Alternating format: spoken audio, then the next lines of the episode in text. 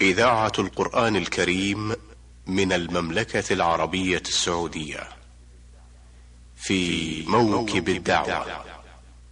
إعداد وتقديم محمد بن عبد الله المشوح. بسم الله الرحمن الرحيم. الحمد لله رب العالمين. الصلاة والسلام الأتمان الأكملان على نبينا محمد وعلى آله وأصحابه وأتباعه إلى يوم الدين. أيها الإخوة والأخوات السلام عليكم ورحمة الله وبركاته. ومرحبا بكم مع هذه الحلقة الجديدة من برنامجكم في موكب الدعوة. لقاؤنا في هذه اللحظات يتصل مع فضيلة الشيخ عبد الله بن عبد العزيز بن عقيل في مطلع هذه الحلقة. باسمكم جميعا أرحب بفضيلته وأشكره على إتاحة هذه الفرصة للقاء والحديث معه. حياكم الله فضيلة الشيخ. وحياكم الله وبياكم بارك الله فيكم فضيلة الشيخ عبد الله آه، لعلنا آه، نعود قليلا إلى الوراء. فنسألكم عن آه، ما يعرف بمسقط الرأس. أين كانت الولادة والنشأة لفضيلتكم؟ بسم الله الرحمن الرحيم. الحمد لله رب العالمين وصلى الله وسلم وبارك على عبده ورسوله نبينا محمد وعلى آله وأصحابه أجمعين.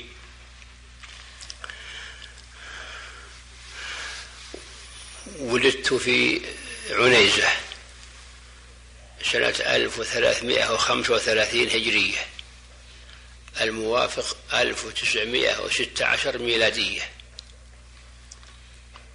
ونشأت في كنف والدي رحمه الله وكان من طلبة العلم ومن الشعراء والأدباء في عنيزة المعروفين. فتعلمت الكتابة على يديه. وعلى يد أخي الشيخ عقيل بن عبد العزيز بن عقيل قاضي العارضة. ثم دخلت كتاب ابن دامغ عبد العزيز بن دامغ في مسجد أم حمار في عنيزة.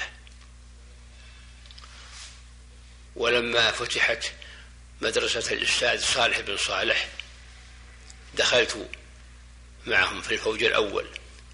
حينما فتحها في, البرغوش قرب الجادة. وتعلمت فيها ما شاء الله. ثم قدم الشيخ عبد الله القرعاوي من الهند يحمل معلومات جديدة بنصح وإخلاص وفتح مدرسة في جانب بيته في سوق الفرع بعنيزة وجعل التعليم مجانا. فرغب الوالد أن أدخل عنده لأنه يعلم الناس العلوم الشرعية الفقه والحديث والتفسير والنحو مع بقية العلوم الأخرى التي تعلمها المدارس. فاستفدنا من الشيخ عبد الله القرعاوي رحمه الله علوما وآدابا وأخلاقا وكان حريصا على تلاميذه. ينفق عليهم من عنده. ويلزمهم بأن يصلوا الصلوات التي توجد عنده ويتفقدهم. ثم بعد ذلك التحقت في طلاب الشيخ عبد الرحمن بن سعدي رحمه الله وهو شيخنا وأستاذنا ومعلمنا. وذلك في سنة ألف وثلاثمائة وتسعة وأربعين. وتعلمنا عند الشيخ رحمه الله علوما عظيمة من الفقه والتوحيد والتفسير وغيرها. وفي آخر سنة 1353 أوعز الملك عبد العزيز رحمه الله إلى الشيخ عمر بن سليم نعم. رئيس قضاة القصيم بأن يختار بضعة عشر من طلبة العلم والمشايخ ليبعثهم إلى منطقة جازان يكونون قضاة ودعاة ومرشدين فصار اختيار عمنا الشيخ عبد الرحمن بن عقيل منهم وكذلك شمد الأمر وذهبت معهم. فسافرنا مع الشيخ عمر بن سليم رحمه الله إلى مكة للحج سنة ثلاثة وخمسين. وحجينا مع الملك عبد العزيز قابلناه مرارا. حضرنا مجالس رحمه الله ودروسه اللي كان تلقى في مجلسه بعد صلاة العشاء يجعل جلسة خاصة للمشايخ في مكة في في قصر السقاف. في سطح هناك كبير يجلس على يجلس الناس على كراويتات وأمامهم مروحة جلاسية لأن الوقت حر. نعم. فإذا مرت من عند أحدهم يعني تلسم نسيم البراد كان الملك عبد العزيز يجلس هذه المجالس في أثناء الحج. الملك أيام الحج يجلس رؤساء الوفود ويجلس كبار المشايخ لكن بعد العشاء جلسة رسمية للمشايخ نعم. يحضر فيها الشيخ عبد الله بن حسن رئيس القضاة نعم. والشيخ محمد بن مانع نعم. ومشايخ مكة وأئمة الحرم وغيرهم نعم. ثم بعد الحج بشهرين وزعوا المشايخ اللي جو مع الشيخ عمر بن سليم نعم. على مناطق جازان نعم. فكان عمنا الشيخ عبد الرحمن بن عقيل قاض في جازان. ومعه اثنان أنا وعلي بن ضيه والشيخ عبد الله بن عودة السعوي قاضي في صبيا أبو محمد بن عودة الشيخ. نعم. ومعه عبد الرحمن الجمعي وصالح الراشد. نعم. والشيخ عثمان بن حمد المضيان قاضي في أبي عريش ومعه عبد الله بن عامر وصالح بن حميد.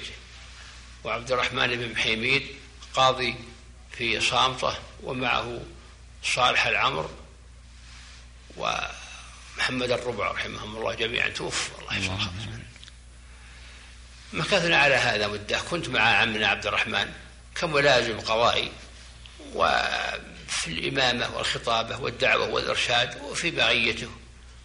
الخطاب الذي جاءنا محتفظ به عندي الآن اللي جاءنا من عبد الله بن حسن. يقول فيه صدر أمر الملك بتعيين عبد الرحمن بن عقيل قاضي لجازان وبمعيته أنتم وعلي بن ضيه بمعيته ما قال يعني نعم نعم. لا قال قاضي ولا قال ملازم ولا قال كم استمر بقاؤكم هناك يا شيخ استمر بقاؤنا هناك مدة ثلاث سنوات. ما شاء الله, ما شاء الله. وبعدها استأذنت ورجعت إلى وطني عنيزة. نعم.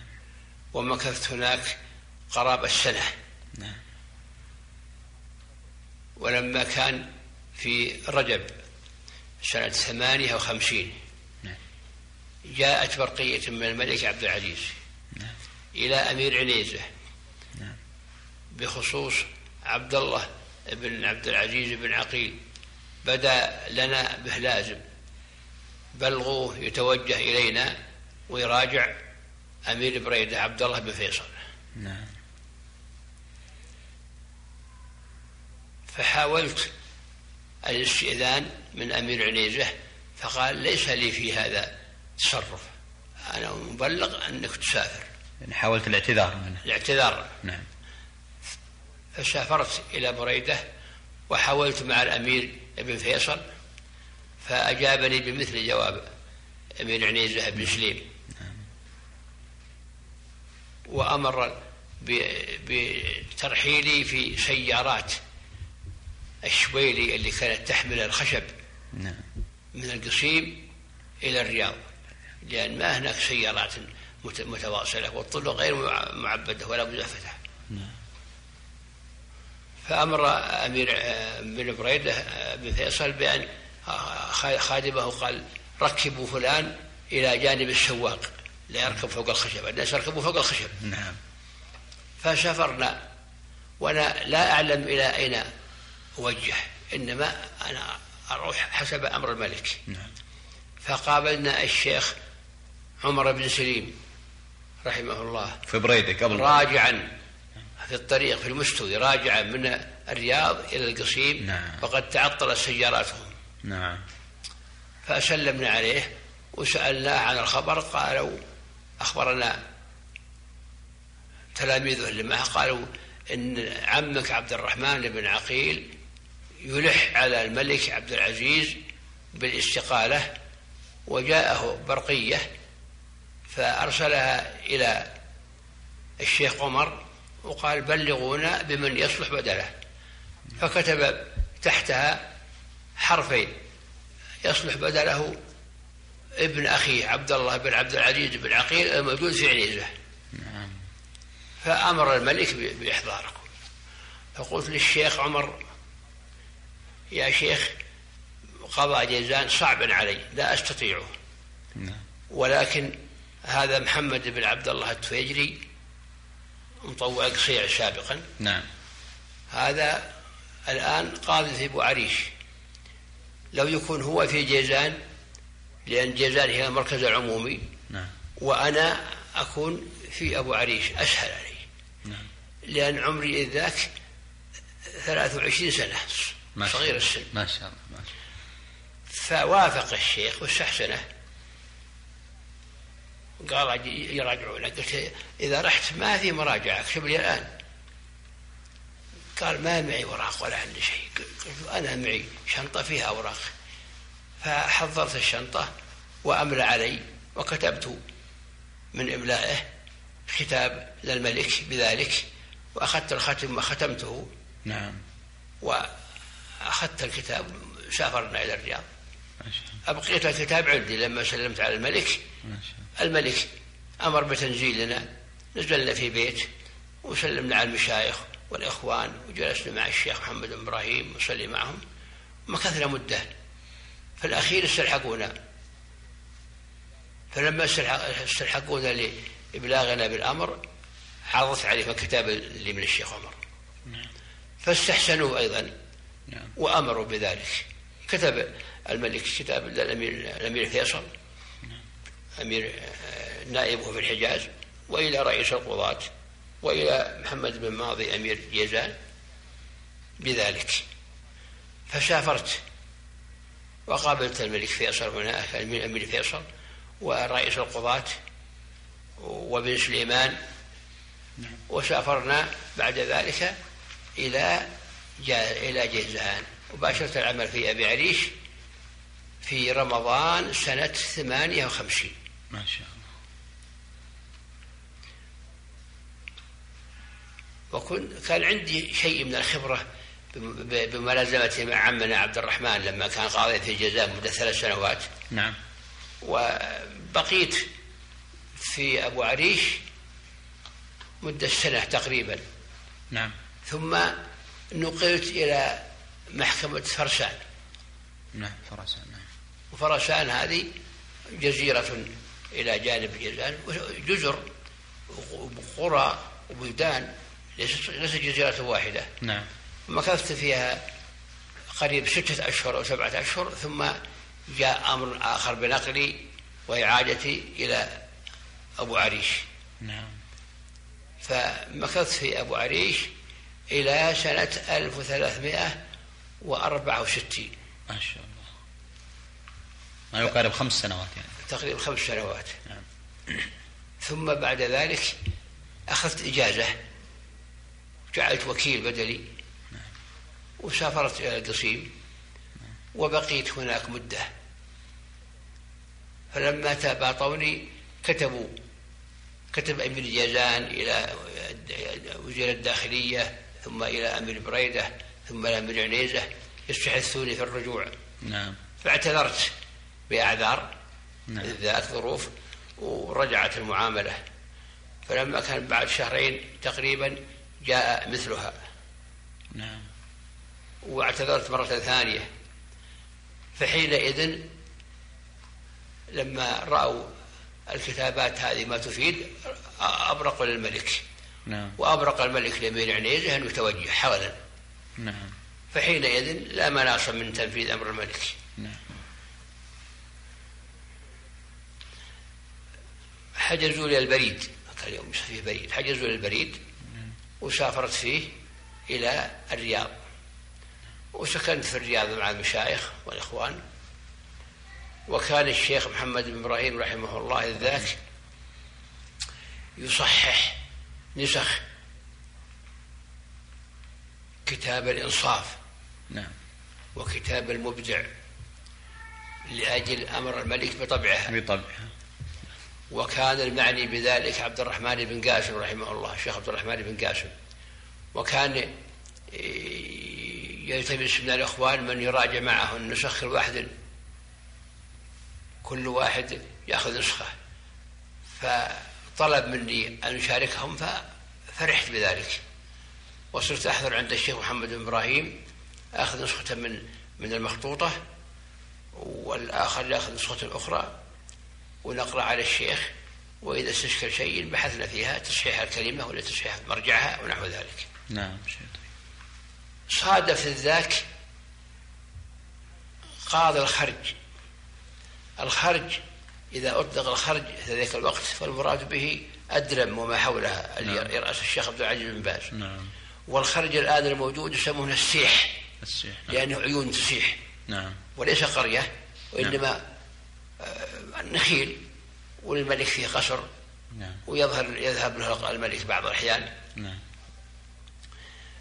فصادف أن أقيل الشيخ سالم الحناكي رحمه الله من من الخرج. فلم أشعر إلا قد بعث لي الشايكي إبراهيم الشايكي رحمه الله. وكان هو من من كبار رجال الديوان وهو الم- المعني ب- بالمشايخ وشؤونهم مع الملك. فأرسل لي الشاي الشايقي وقال بكرة الساعة الساعة اثنين يعني غروبي بعد نعم. طلوع الشمس الضحى. نعم. تحضر هنا. فحضرت فلما دخلت عليه في مجلسه سلمت عليه أجلسني وقام ذهب الملك. نعم. فسريع جاء واحد من الخدام وقال أين ابن عقيل مسك يدي دخلني على الملك. ما في المجلس أحد إلا أربعة وخمسة بعيدين عن الملك ما أعرفهم نعم. فسلمت عليه. ف... فحسني بعينه ناظر ناظر. وقال الأمر خير إن شاء الله. النبي يصير قاض في عند قصري بالسيح بالخرج. نعم. فقلت إيش هبا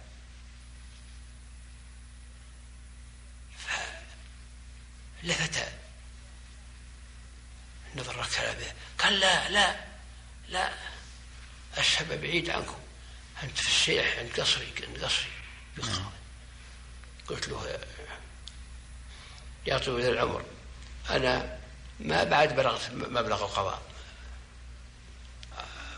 خلوني أقرأ عند الشيخ محمد بن إبراهيم أدرس. وإذا بلغت المبلغ أنا بسمع الطاعة. فالتفت إلي ثانية. وقال محمد بن إبراهيم هذا تراه أخوي وردي نعم. شاوره ولا تخرج عن رايه. نعم.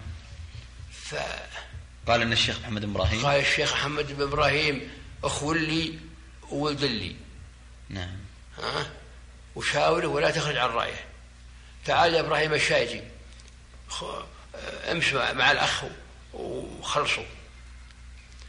فذهبت مع إبراهيم الشايجي وقلت له ما أستطيع القضاء أنا أبي أجلس مع الشيخ محمد إبراهيم. فضحك الشايجي وقال اللي مدبر الأمر. هذا محمد بن إبراهيم هو اللي معينك. نعم. والعجيب إني كنت امس عند الشيخ وقبل امس كل يوم ادرس عنده ما قال لي شيء ولا أشار لي بشيء. نعم نعم. فخرجت من عند الشايكي وذهبت للشيخ محمد بن إبراهيم وأخبرته الخبر فجعل يستطعم مني الكلام. وش قال لك يا الملك؟ إن الشيخ محمد بن إبراهيم ولد لي واخ لي. فشاوره ولا تخرج عن رأيه. فقال الشيخ محمد آه، استعن بالله وما دام أمر أمر الملك عليك استعن بالله وأمتثل. فقلت لا أستطيع أعمل بالقضاء ولا أستطيع إلا إذا كان أنت تكون مرجعي وأشاورك فيما يشكل علي. و آه، وما أحتاج إليه من من أسئلة وإلا فأنا ما أستطيع. قال فيك بركة فيك بركة وأنا مستعد لك. نعم. أو كلام هذا معناه. نعم. فسافرت إلى الخرج وبقيت فيه ما شاء الله أشهر ليست طويلة أربعة أشهر أو ثلاثة أشهر. ثم استأذنت بإجازة لأذهب إلى محل عملي الأول في أبي عريش. نعم. لي فيه أثاث وعفش وعائلة. نعم نعم. فأذن لي ولي العهد وأعطاني سيارة رحت إليه إلى إلى أبو عريش وخلصت أشغالي وجيت. ولما رجعت بلغني الشايكي نعم. وقال إنك معين الآن في نجران. نعم. فذهبت للشيخ محمد بن إبراهيم وبلغته بالخبر.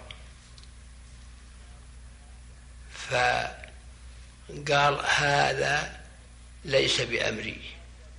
قال قال بلهجته ما بذا من عندي. نعم. أو ما فهمت يقوله لي. قال ما بذا من عندي. أو ما فهمت. نعم. قلت بلى فهمت. فذهبت للشاجي واعتذرت.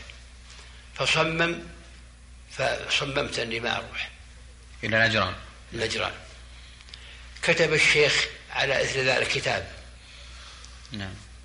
لم أشعر بها إلا بعد وفاة الشيخ رحمه الله. إلى ولي العهد. نعم. يقول فيها والكتاب عندي صورتها موجودة الآن. نعم. يقول إلى ولي العهد بعد السلام من جهة عبد الله بن عقيل قاضي الشيخ سابقا بلغتوني بأنه يكون قاضي في نجران وهذا لا بأس به. لكن المذكور فيه خير ويؤمل أن يكون في أنفع من نجران. ونجران يكفيه ناصر بن جعوان قاضي الظهران سابقا ما بينه وبين نجران إلا ثلاث أيام. أو عبد الله بن عبدان الموجود الآن في بريدة بدون وظيفة. والسلام عليكم. وعليه الختم. نعم. والظاهر انها إنها بخط ابن إبراهيم وزير العدل. نعم. فلم أشعر بعد أيام خمسة أو ستة أو عشرة إلا وقد بلغني الشايكي مرة ثانية بأنه صدر الأمر بتعيين قاضي في الرياض. نعم.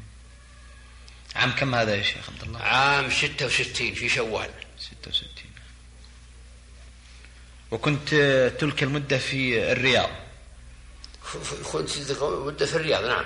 وتحضر مجالس الشيخ محمد. أحضر مجالس الشيخ نعم. وعنده. فتعينت في الرياض.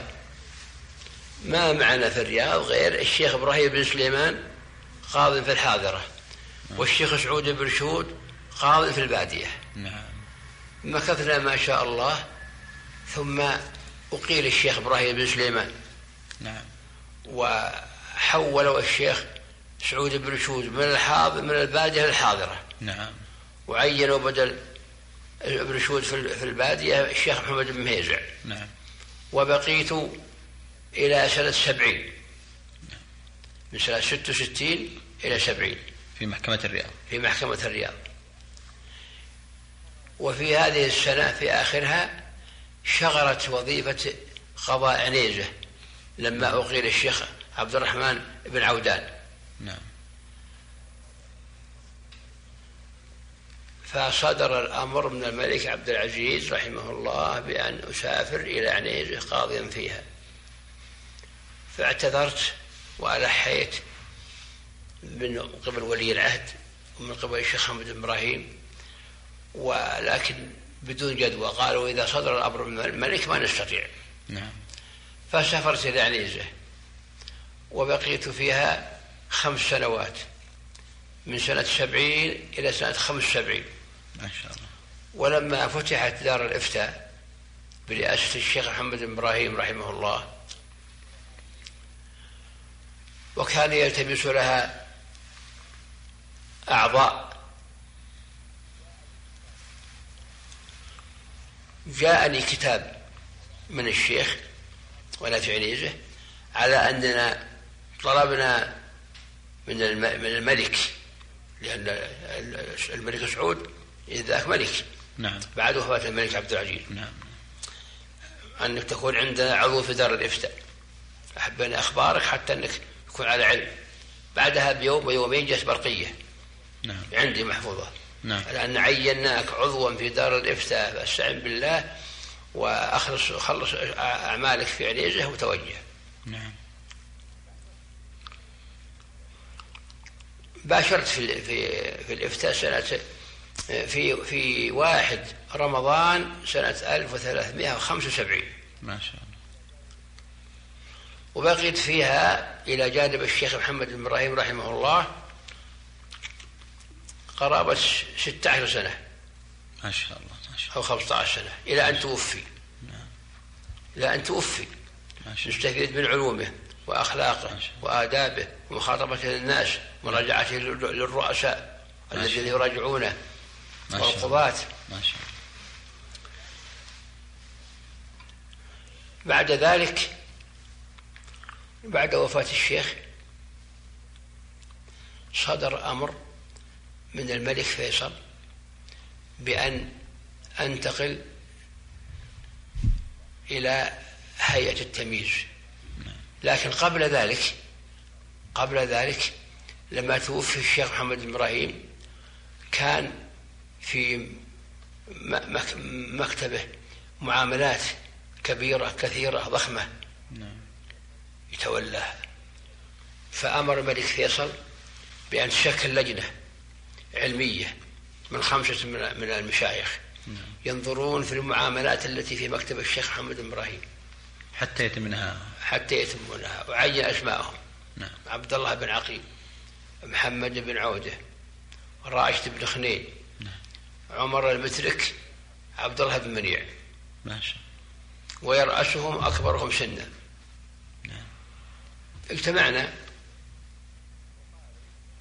ودرسنا الموضوع وقالوا من أكبرهم سنا عبد الله بن عقيل. نعم. فصار صرت رئيس اللهية هذه. نعم. ومكثنا فيها مدة حتى خلصنا المعاملات ما شاء الله. اللي فيها. بعد ذلك أمر الملك فيصل بأن أكون عضوا في هيئة التمييز في, مك... في الرياض. نعم. وذلك في سنة واحد وتسعين. ما شاء الله. كم كان عدد أعضاء الهيئة في ذلك الوقت شيخ عبد الله؟ أعضاء هيئة التمييز؟ نعم. أعضاء هيئة التمييز الرئيس عبد العزيز بن رشيد. نعم. والشيخ محمد البواردي. نعم. والشيخ محمد بن سليم. والشيخ صالح بن غصون نعم. والشيخ محمد بن جبير. نعم. وكنت معهم أنا. ما شاء الله. بقيت في هيئة التمييز أقل قرابة السنة. نعم. من 91 إلى 92 ما شاء الله. تشكلت لجنة برئاسة الشيخ محمد بن جبير. اسمها الهيئة القضائية العليا.